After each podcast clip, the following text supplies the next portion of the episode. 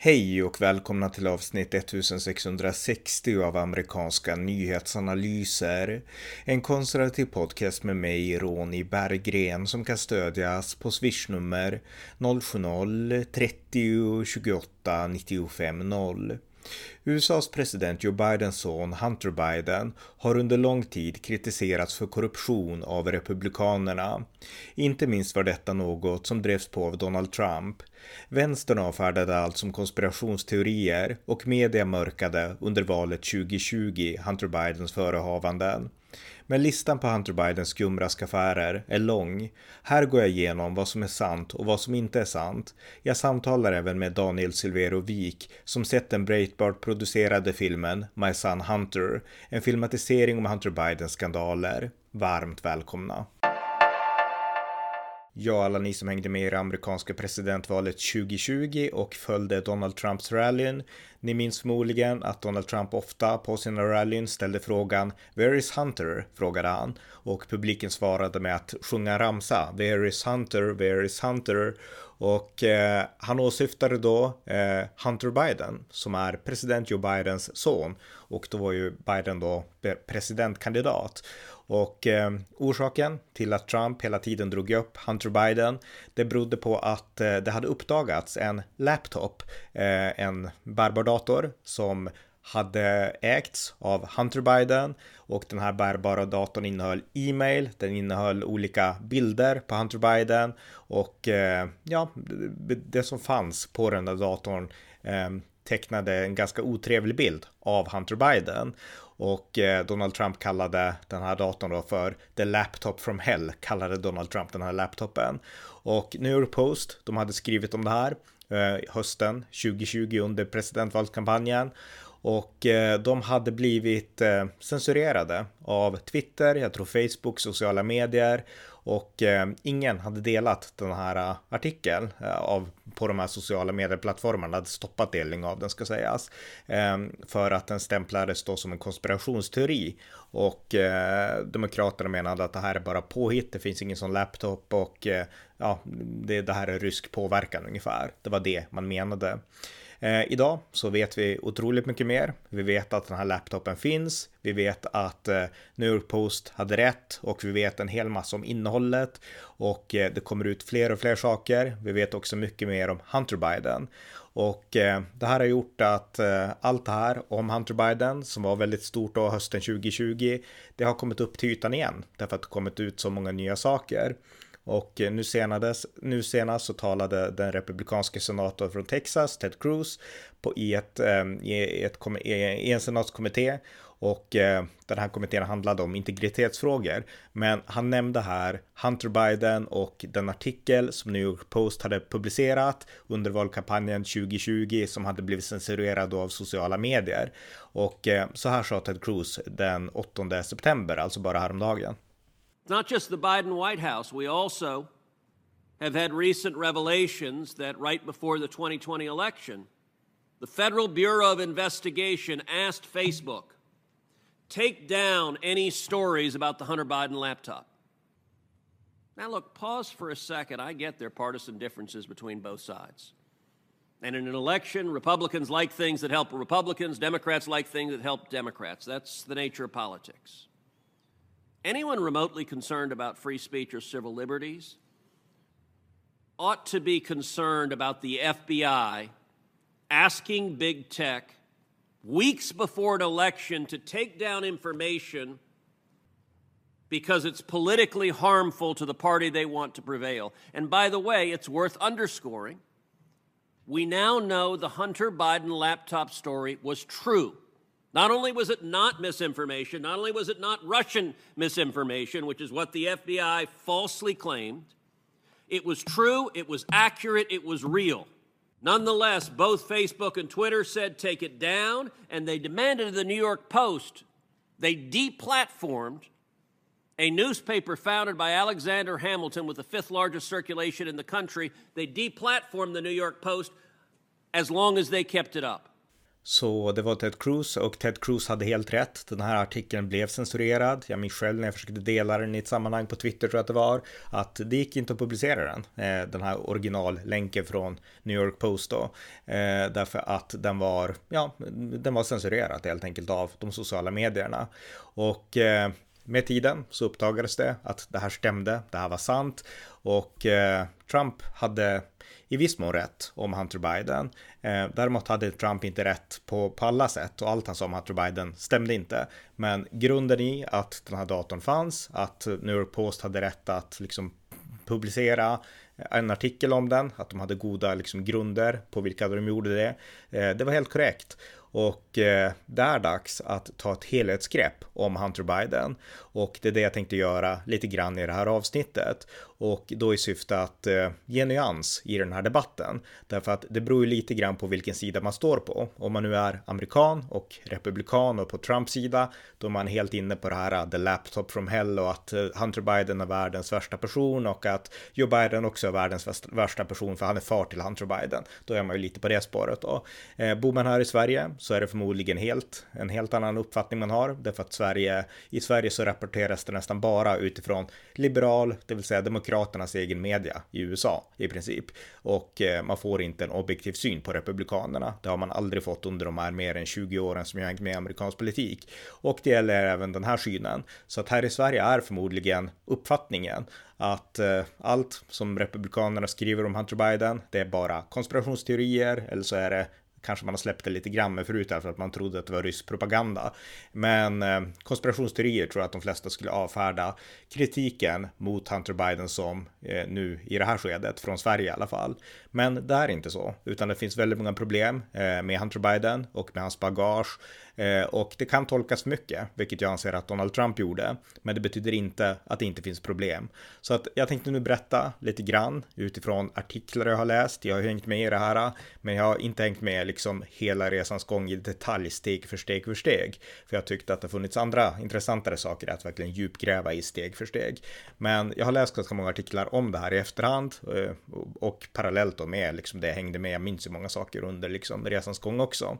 Men några artiklar har jag läst och eh, jag tänkte med utgångspunkt i dem teckna en övergripande bild över vad vi vet om Hunter Biden och hans förehavanden. Och eh, den första artikeln som kan vara relevant att ta avstamp i, eh, den heter Joe Bidens family has been cashing in on his career for decades. Democrats need to acknowledge that. Och den artikeln publicerades den 9 oktober 2019 på sajten The Intercept Voices. Och den är skriven av en författare som heter Ryan Grimm som inte är någon republikan och inte någon alltså Trump-anhängare eller sådär utan han försöker teckna en, en bild av Joe Bidens familj och hur familjemedlemmar har nyttjat Joe Bidens politiska inflytande och Joe Bidens kändisskap för egen ekonomisk vinning. Så det är det som den här artikeln handlar om. Och eh, Ryan Grimm, han berättar att det började redan tidigt i Joe Bidens karriär. Det började 1973 när Joe Biden bara hade suttit i senaten i ett år ungefär. Och Joe Bidens bror, James Biden, som jag tror kallas Jim, han eh, sökte om ett banklån för att starta upp en nattklubb i Delaware och eh, han fick det här lånet. Men nattklubben gick inte riktigt som man hade tänkt och eh, det blev problem.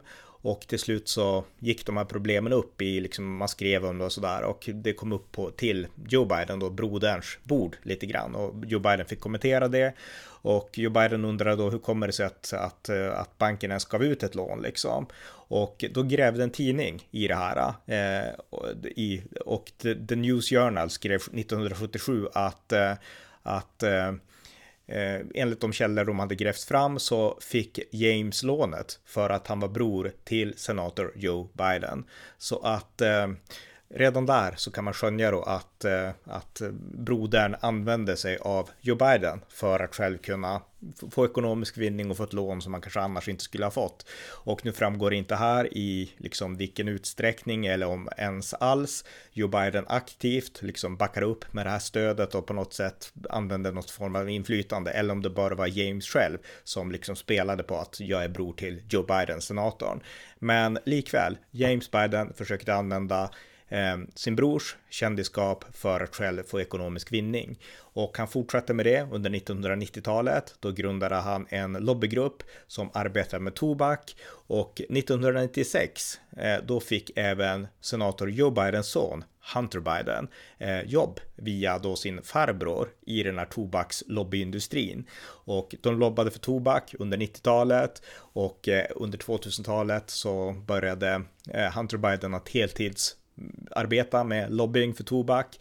Och eh, det här var någonting som Joe Biden då, som då var senator också, tog upp i olika Ehm, ja, senatsdiskussioner och sådär. Och de som är kritiska till Joe Biden, de menar att han, han, han, liksom, han blev påverkad och eh, liksom försökte bedriva politik för tobaksindustrin och eh, liknande saker. Och han hamnade i en lång konflikt kring de här sakerna med den progressiva eh, senatorn Elizabeth Warren eh, och eh, de eh, båda kandiderade också i Demokraternas primärval 2019-2020 också i presidentvalet där. Jag poddade ju intensivt om det som ni kanske minns.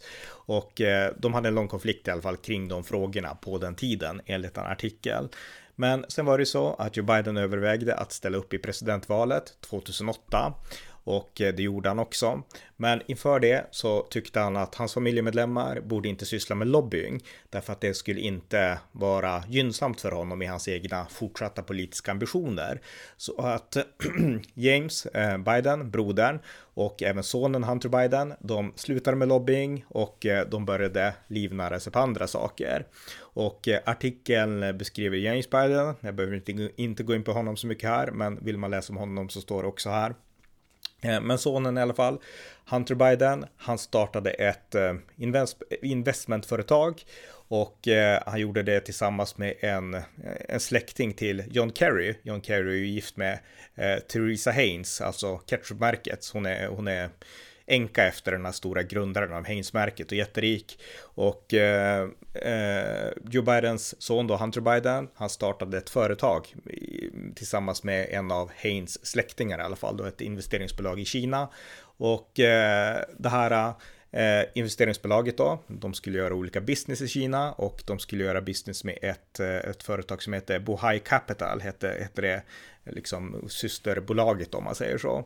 Eh, sen var det så här då att 2013, då var Joe Biden vicepresident därför att han, han förlorade visserligen i primärvalet 2008, Demokraternas primärval mot Barack Obama, men Barack Obama valde honom till sin vicepresidentkandidat och de två vann sen över Republikanerna, John McCain och Sarah Palin där hösten 2008 och eh, Joe Biden blev ju då vicepresident, vilket han var tills 2017 när Donald Trump tog över, eller Mike Pence tog över hans roll som vicepresident. Och eh, 2013 så reste Joe Biden eh, på Eh, med Air Force 2 till Kina för att träffa då Kinas president Xi Jinping. Med sig hade han sin son Hunter Biden och Hunter Biden åkte inte till Kina för att träffa Xi Jinping, utan han åkte dit för att träffa eh, Jonathan Lee, tror jag han hette, som då hade kontakter eh, i förhållande till att försöka få en licens från Kina att, att arbeta med Bohai Harvest, som det här eh, investeringsbolaget hette. Och eh, eh, i samband med den resan så lät Hunter Biden Eh, sin far, vicepresidenten Joe Biden, träffa sin affärskollega där i Kina. Och det här var någonting som Bidens medarbetare var mycket skeptiska till därför att presidenten eller vicepresidenten i det här fallet måste ändå, ja, han kan inte beblandas med företag. Sen är Hunter Biden, han har all rätt att liksom driva sitt företag om han vill, men han kan inte använda sin pappas inflytande liksom, för då blir det politisk korruption ungefär. Så att det var det man var rädd för då, inte att Hunter Biden skulle gjort något smutsigt. Men eh, Joe Biden träffade, eh, liksom Hunter Biden fick ändå sin far att träffa den här affärskollegan och en tid senare så skulle företaget få tillstånd att, att arbeta och verka i Kina då. Och det kom då en tid efter att Joe Biden hade träffat den här personen då enligt artikeln. Och eh, det här företaget Bohai Harvest, de skulle sedan fortsätta att eh, utveckla övervakningskameror eh, eh och liknande som det kinesiska regimen faktiskt har använt för att eh, Eh, övervaka ugurerna, ugirerna, som jag har poddat en hel del om med, med Jojo Olsson då ibland. Eh, det här företaget skulle bygga eh, utrustningen som användes av den kinesiska diktaturen för att övervaka den här folkgruppen och sådär. Så att det var ju inte liksom, ja, det var inte liksom några altruistiska liksom företag det handlar om, utan det handlade bara om affärer i alla fall. Så att det här var en sak som, som fanns och eh, det står om det ganska ingående i den här artikeln. Så att det var en av Hunter Bidens olika förehavanden och det här skulle sen bli en stor sak. Rudy Giuliani, Donald Trumps advokat som skulle gräva upp skit på Bidens, han lyfte fram det här ofta. Men det här är eh, korrekt. Det här var någonting som hade grävts fram långt tidigare, att Hunter Biden hade de här eh, business dealen i Kina. Sen är frågan då liksom var Joe Biden inblandad i något smutspel där? Eh, det är liksom, det är en annan fråga. Men Hunter Biden hade sina business dealings där och eh, det finns små faktorer i alla fall som, som pekar på att kanske liksom Joe Biden också var inblandad. Eller så var han bara liksom en far som försökte vara snäll och ställa upp för sin son. Så att eh, den frågan besvarar jag inte här då, men den här artikeln beskriver det här ganska ingående. Och det är förresten också en annan artikel som jag har använt mig av i att beskriva eh, Hunter Bidens dealings med Kina och det är en artikel som publicerades i december 2020 av New York Post och den artikeln heter Hunter Biden and China, a timeline of his business ties to the far east. Och eh, i den artikeln så tecknas det här ännu mer i detalj och det beskrivs också hur Hunter Biden verkligen har försökt få sin far Joe Biden att träffa olika affärsmän som Hunter Biden då har haft eh, business med från Kina. Och eh, det har skett i olika sammanhang och eh, i olika e-mail som hittades på den här laptopen som vi kommer att komma in på om en stund. Där refererade man till Joe Biden då som the big guy. Och eh, det var en person som arbetade åt Bidens som hette Eh, heter Tony Bubelinski som, som också var en del av att liksom ordna sådana här möten mellan Joe Biden och Hunter Bidens business partners. Så att eh, den här artikeln kan ni läsa om ni vill ha just det här eh, eh, Hunter Bidens dealings med Kina mer i detalj. Hunter Biden and China, a timeline of his business ties to the far east, publicerad av New York Post den 19 december 2020. Eh, med det sagt så går vi vidare till Hunter Bidens nästa eh, affärsintresse, vilket var i Ukraina och vilket med tiden skulle dra in Donald Trump i det hela också. Ja, Hunter Bidens nästa deals, det skulle ha att göra med Ukraina. Det var så här att i februari 2014 då fick Hunter Biden sparken från flottan, den amerikanska flottan, därför att han testade positivt för kokainanvändning. Och Hunter Biden har ju själv erkänt att han haft problem med droger och liknande. Och det ledde i det här fallet då till att han avskedades från flottan. Men enligt den första artikeln som jag läste så öppnades nya möjligheter och eh, de möjligheterna öppnades i Ukraina.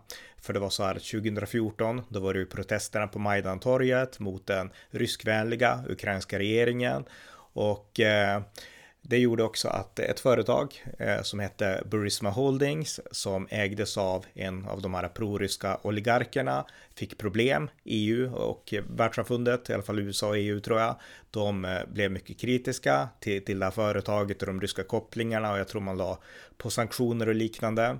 Så att det här företaget blev eh, desperat över att få västerländsk legitimitet och därför så tog de in Hunter Biden till sin styrelse bara för, för att få ett känt västerländskt ansikte i sin styrelse. Och Hunter Biden, han hade inga erfarenheter alls av sånt här, utan han satt i styrelsen för att han var kändis, eller åtminstone en son till en kändis och en inflytelserik amerikansk politiker, Joe Biden.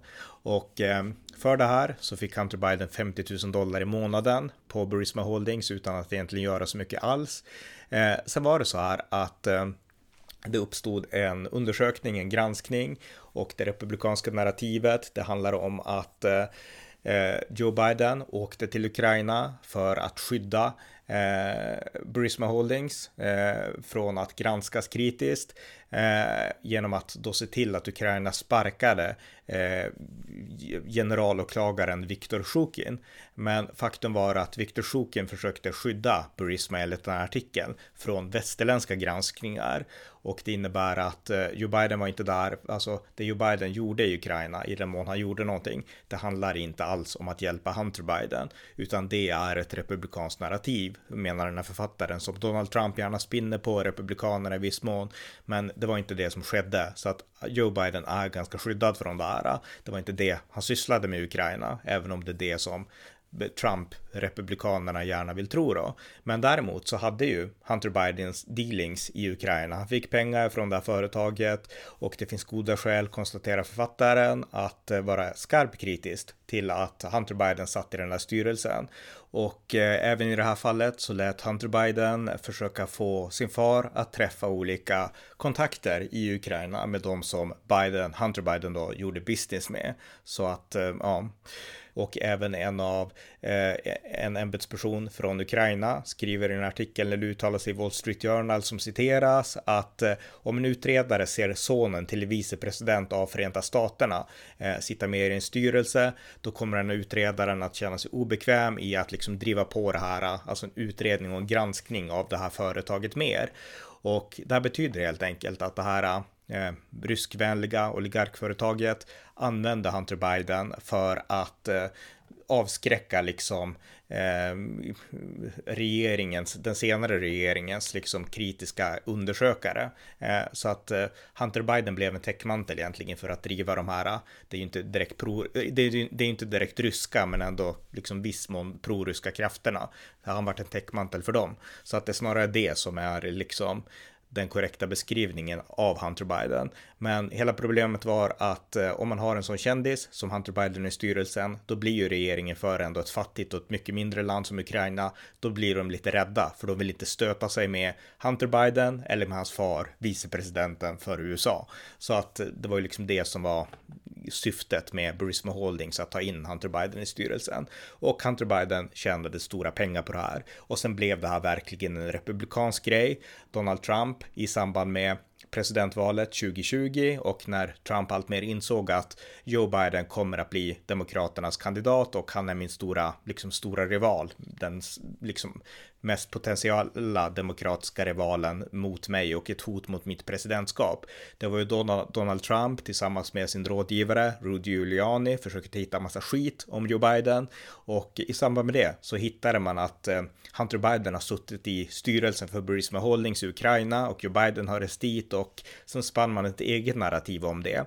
Och i det narrativ som Trump och hans team spann, där fanns det liksom rena fantasier från Trumps sida, påhitt helt enkelt, som, som inte var alltså som inte följde fakta utan mer följde Trumps hopspunna teorier i sitt huvud. Och det var ju det här som ledde sen till att Trump Ehm, ställdes inför riksrätt. Man menade då demokraterna att han hade använt presidentmakten för att pressa Zelensky att, att utreda Joe Bidens förehavanden i Ukraina. Och ehm, ja, eh, det är ju en historia för sig, men det är bakgrunden till det i alla fall att Trump ville verkligen luska i liksom vilka förehavanden Biden, familjen hade haft i Ukraina för att sen kunna använda det mot Biden i en eventuell presidentkandidatur mellan Biden och Trump och det var ju det här Trump försökte göra också och det var därför han pratade mycket om Varys Hunter och liknande på kampanjtillställningarna och, och så.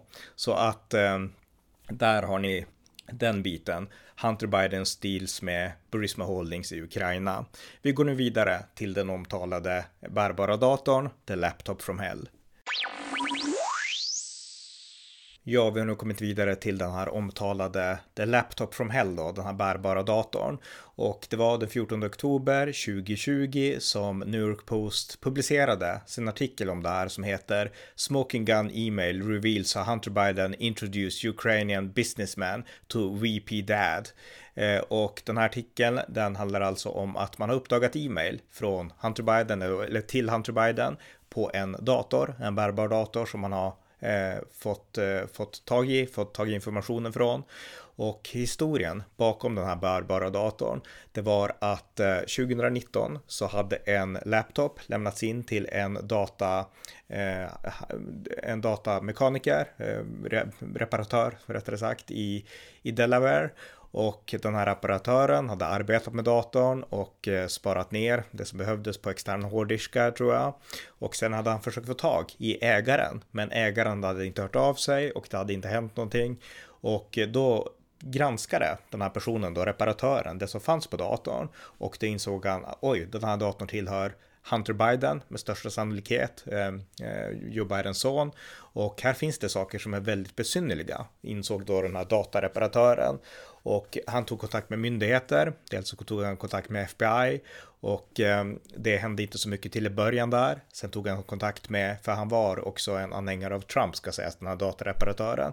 Sen tog han kontakt med Trumps eh, advokat Rudy Giuliani och eh, då började Trump-teamet sakta liksom inse att wow, här har vi sprängstoff eh, lite grann. Och eh, till slut så var det också FBI som tog hand om den här datorn. Men informationen kom ut. Det, han skickade datahandlaren det här till liksom eh, till olika tidningar, Washington Post och liknande.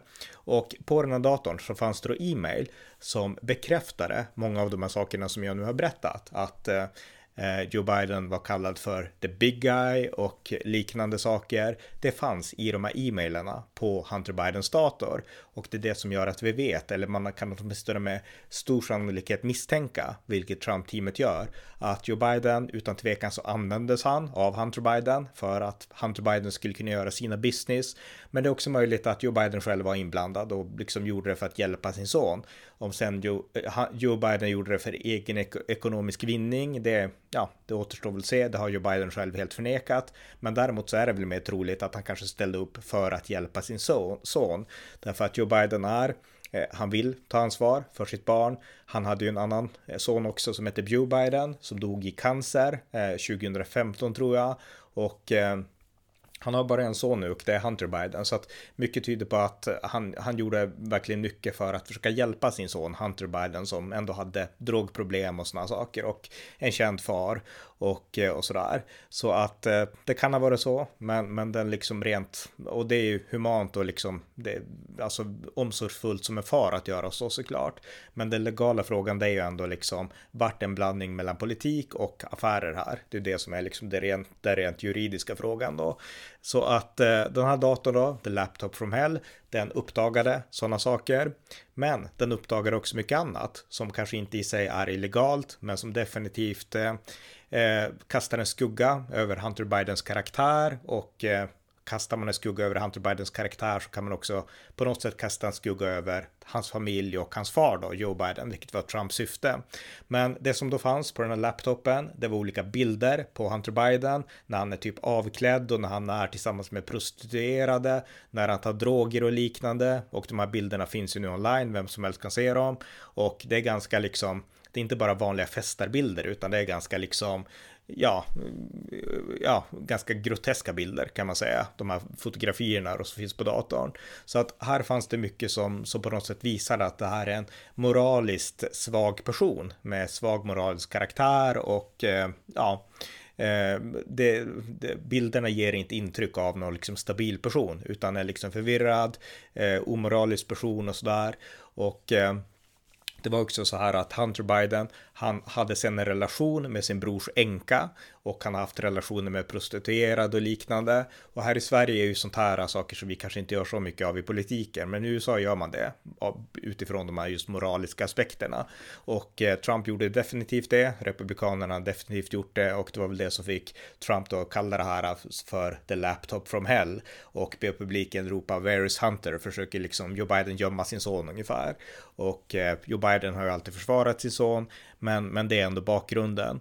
Och eh, de här granskningarna har fortsatt och det här är inte bara gamla nyheter utan fler och fler detaljer har kommit fram om Joe Biden och eh, eh, liksom korruptionsanklagelser och eh, att det har funnits eh, allt fler kopplingar då till, till eh, ja, att Joe Biden faktiskt kan varit inblandad i saker, men även eh, också att det funnits en FBI-agent som har tonat ner och bidragit till då att, eh, att eh, de här sociala medieplattformarna censurerade New York Post. För det är hela poängen i det här då. De, de här, eh, det jag har berättat nu, det var någonting som publicerades av New York Post mitt i valkampanjen och eh, om det hade varit falskt, då hade det kanske varit rätt att ta ner det. Jag vet inte, men det här var sant och trots det så censurerades det av Twitter och Facebook och de menade då att det fanns inga bevis och vi fick inte veta exakt att det var sant eller inte.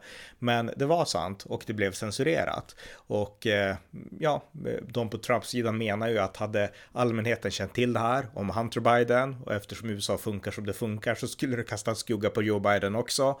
Då hade då hade Donald Trump vunnit valet. Det är det som är liksom republikanernas syn på den här skandalen, för en skandal är det. Om det stämmer eller inte, att, att eh, Trump skulle ha vunnit om allmänheten hade känt till mer om det här, det, ja, det vet ju ingen, ingen kan besvara det. Men utan tvekan så fanns det krafter som ville mörklägga, som ville skydda Joe Biden och som ja, liksom sen kunde anklaga Trump bara för att sprida konspirationsteorier när Trump pratade om att det här är verkligt. Det var ingen som trodde honom, inte här i Sverige och inte i USA riktigt heller.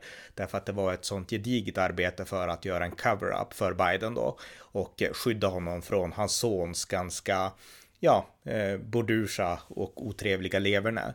Och sen dess har det också uppstått en, eller gjorts, startats en granskning nu av justitiedepartementet mot Hunter Biden och det finns möjligheter att han kanske blir åtalad.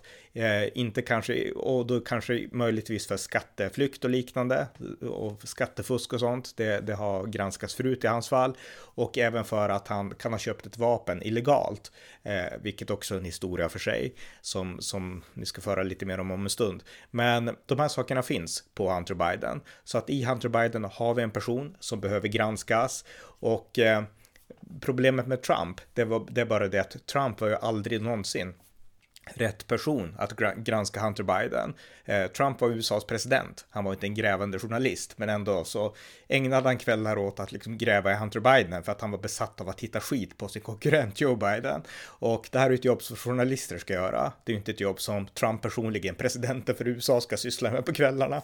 Och det var ju lite det som gjorde att Trump hade, hamnade i så många problem över det här. Han var klåfingrig och han gjorde saker som det liksom inte låg på hans bord eller Rudy Giulianis bord att göra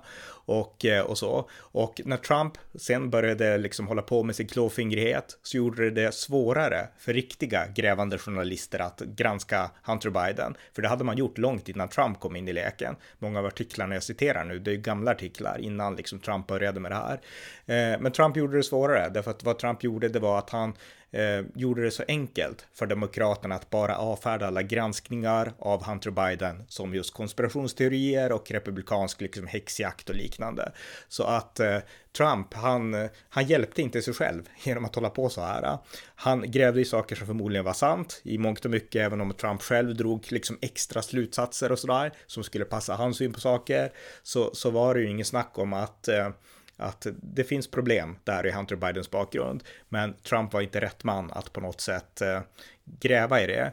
Och eh, ett citat här från eh, den 30 mars 2022, alltså inte för så länge sedan, av eh, CNN-analytikern Eli Honig som har då skrivit och granskat de här sakerna. Han säger så här om Hunter Biden kontra Donald Trump. Yeah, Brianna, two things can be true at the same time. Donald Trump can have committed all sorts of abuses of power and outrageous acts trying to push people to investigate Hunter Biden. But there also could independently be a legitimate investigation of Hunter Biden. And the history is really important here because Bill Barr. Det var Elle Honig på CNN nu i mars och jag tycker att det här är en ganska bra beskrivning av hela den här situationen. Alltså, det finns många problem med Hunter Biden. Det går att läsa om dem och det har granskats ännu mer nu än valet 2020. Det här är inte konspirationsteorier och det kan hända att det blir legal, alltså juridiska liksom åtal och liknande mot Hunter Biden. Det är inte omöjligt. Kanske, även om det inte är sannolikt, så kanske även Joe Biden dras in i viss mån i det hela. Det är inte, inte säkert då, men men alltså, det, liksom, Hunter Biden har problem och eh, det är helt legitimt att gräva i det, speciellt i en amerikansk kontext. Och eh, det görs just nu. Och eh, Trump hade inte helt fel. Så att det är liksom den balansen och den nyansen jag vill ge till er som lyssnar här i Sverige. För här finns det alltid det här liksom att det är bara en republikansk konspirationsteori och så enkelt är det inte. Men det är inte heller så enkelt att all, allt Trump säger var sant och att han hade en helt korrekt analys av allt. Så är det inte, så enkelt är det inte heller, utan Trump har ju mångt och mycket levt på att media har varit dålig och då kan han komma in med sina förklaringar som är övergripande korrekta, men han kan också lägga in där sina egna liksom fel och brister och teorier liksom och folk tror honom i alla fall, därför att han har ju ändå ett övergripande rätt narrativ när media blundar och liknande. Så att eh, komplexiteten här måste man förstå. Men jag tycker det här citatet av Eli Honig på CNN var helt klockrent och passande om man vill förstå liksom kontexten i allt det här som har med Trump och även Hunter Biden att göra. Och med det sagt så ska jag nu prata med en person som heter Daniel Silverovik som har sett eh, filmen My Son Hunter och det är alltså en filmatisering gjord av högern mot, eh, ja, för att egentligen svartmåla Hunter Biden och få liksom de som ser filmen att, att få just den här mörka bilden av Hunter och kanske pappa Biden som republikaner vill att man ska ha. Så att eh, den filmen har kommit ut. Jag tror att Breitbart finansierar den och eh, ja, lyssna på det här samtalet om den filmen, för då får ni också förståelse för lite av det här politiska spelet som, som liksom pågår också kring sådana här skandaler i USA. Daniel Silverovik, välkommen. Tackar, tackar. Vi ska prata lite grann om en ny film. Det är ju så här att en person som det pratas om mycket i USA nu, det är Hunter Biden. Han är alltså son till president Joe Biden. Och eh, det pratas mycket om Hunter, sonen då, därför att han är en person som omgärdas av skandaler. Och det här är ju någonting som republikaner brukar älta och ta upp i liksom så ofta de kan egentligen. Donald Trump gjorde det hela tiden när han kandiderade.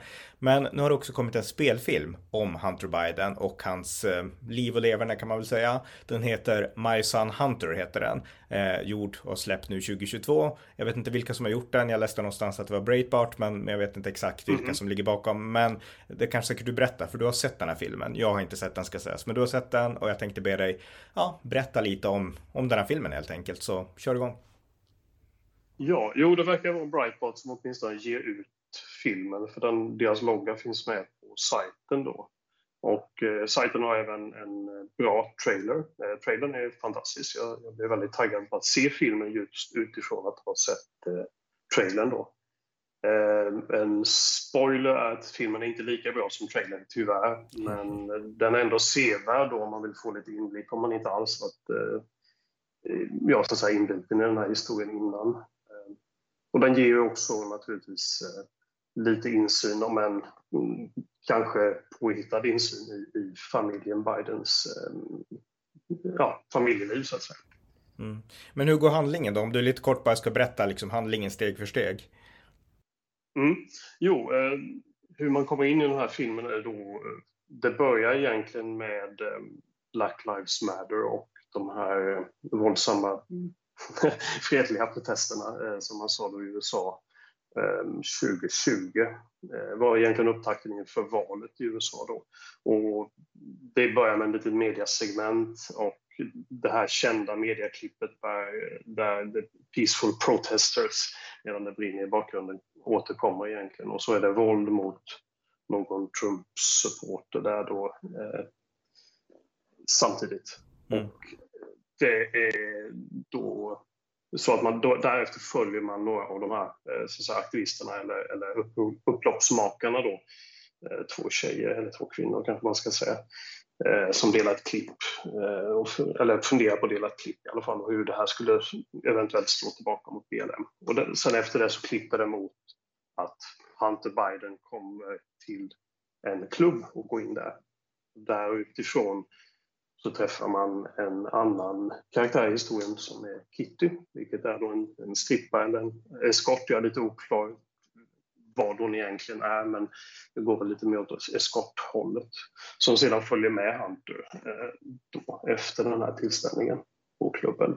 Och utifrån hennes ögon så får man en liten insyn i Hunters liv och vad han då håller på med, eh, lite ihopkokad med sin far även sin farbror. Jim Biden tror jag heter. Mm. Ja, Jim, Jim återkommer inte i, i filmen, men, men det nämns farbror så att säga.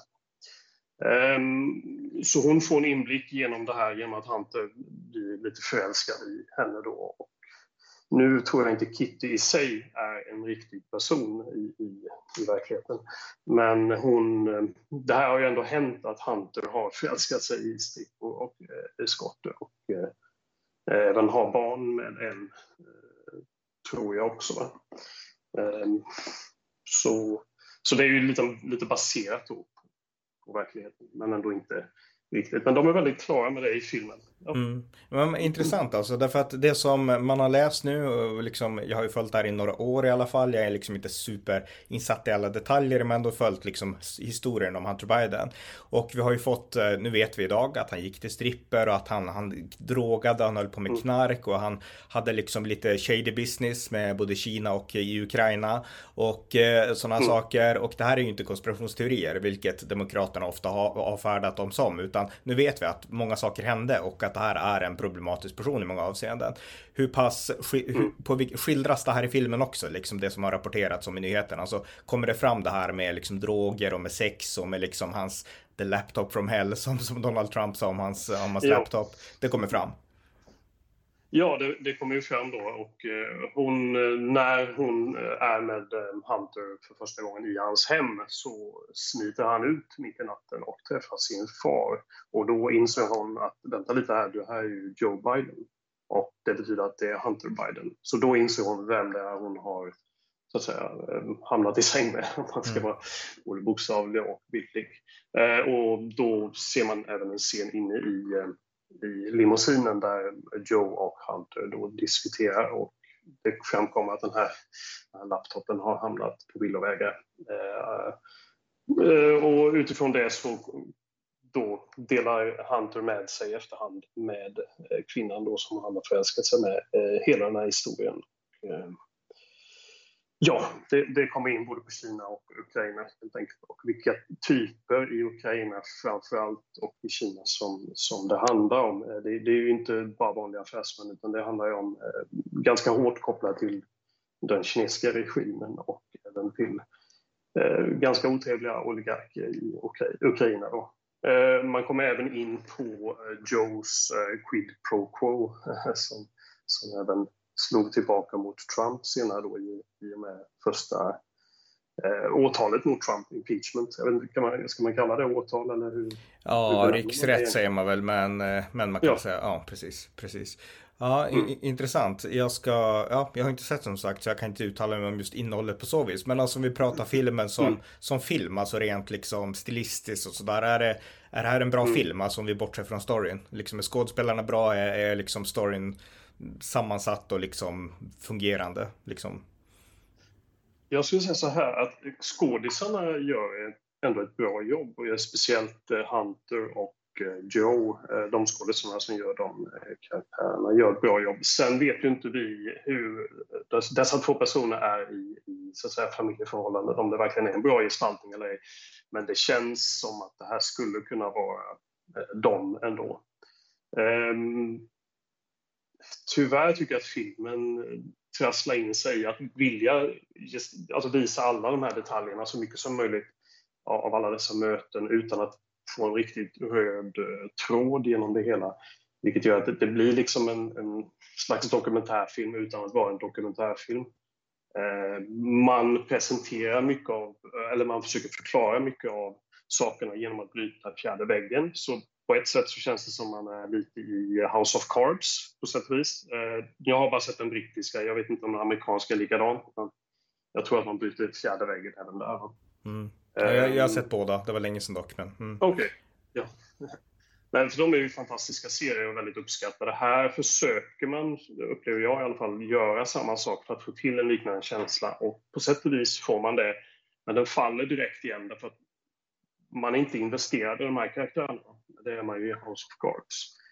Eh, så det är svårt att bli investerad i Hunter och hans, eh, för man förstår inte honom genom filmen utan kanske efteråt så känner man, ja okej, okay, han, han, är lite ledsen misslyckad. Kanske, jag vet inte. Det, det, är svårt att få liksom greppet på karaktären för de, de, de börjar liksom inte från början. Man, man träffar på honom nerknarkad och, ja, han vet inte riktigt vad han håller på med. Men han håller på med de här affärerna samtidigt. Då. Just det. Eh, Ja, eh, men jag tänkte, alltså är det här mer än, alltså som var inne på, den är utgiven av Breitbart, de har i alla fall finansierat eller ligger bakom på något sätt. Och de är mm. väldigt partiska, så jag menar, är det här en film som bara ja. talar till liksom de som hatar Biden och kanske älskar Trump? Eller finns det något liksom objektivt man kan få ut av den här filmen? Eller är det bara liksom, liksom den här obligatoriska amerikanska pajkastningen?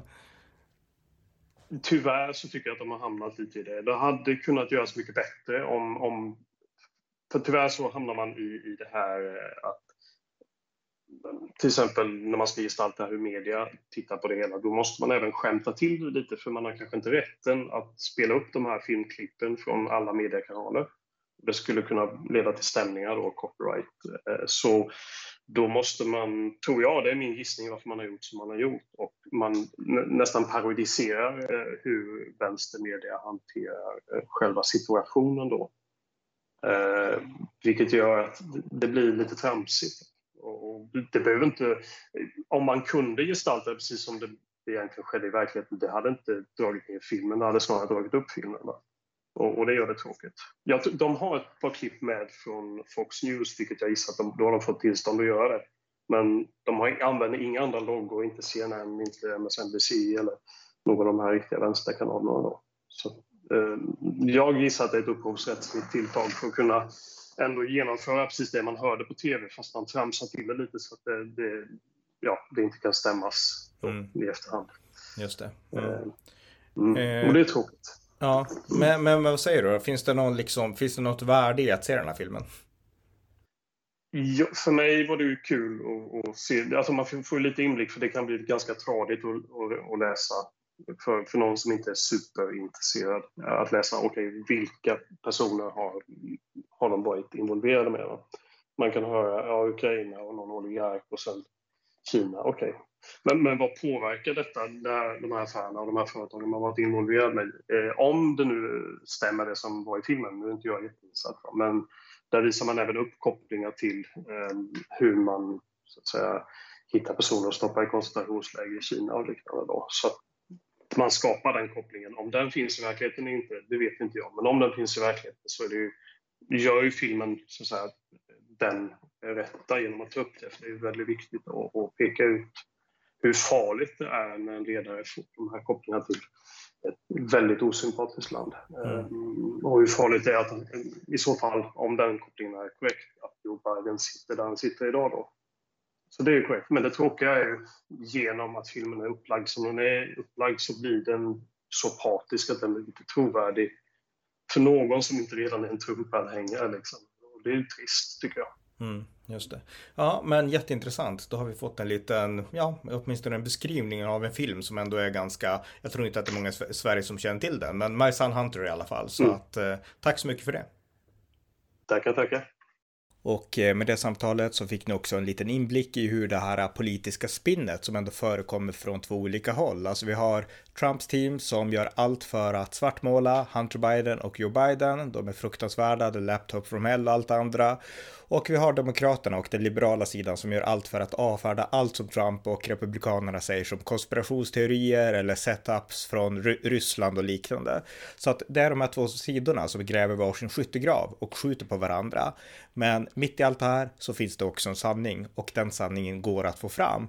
Men allt för få journalister, både i USA och kanske ännu mer i Sverige, de är inte intresserade av det, utan de liksom väljer en skyttegrav som de gräver ner sig i. Och jag tycker att det är fel väg framåt och jag har aldrig gjort det här på amerikanska nyhetsanalyser, men eh, det är liksom så svensk media fungerar tyvärr. Och därför tror jag att det här avsnittet förmodligen kan ge lite balans även för er som lyssnar här i Sverige. Det var i alla fall min förhoppning med det här avsnittet. Ni har lyssnat till amerikanska nyhetsanalyser, en konservativ podcast som ni gärna får stödja på swishnummer 070-30 28 95 0 eller via hemsidan usapool.blogspot.com på Paypal, Patreon eller bankkonto. Skänk också gärna slant till valfri Ukraina-insamling. Det var allt för denna gång. Tack för att ni har lyssnat.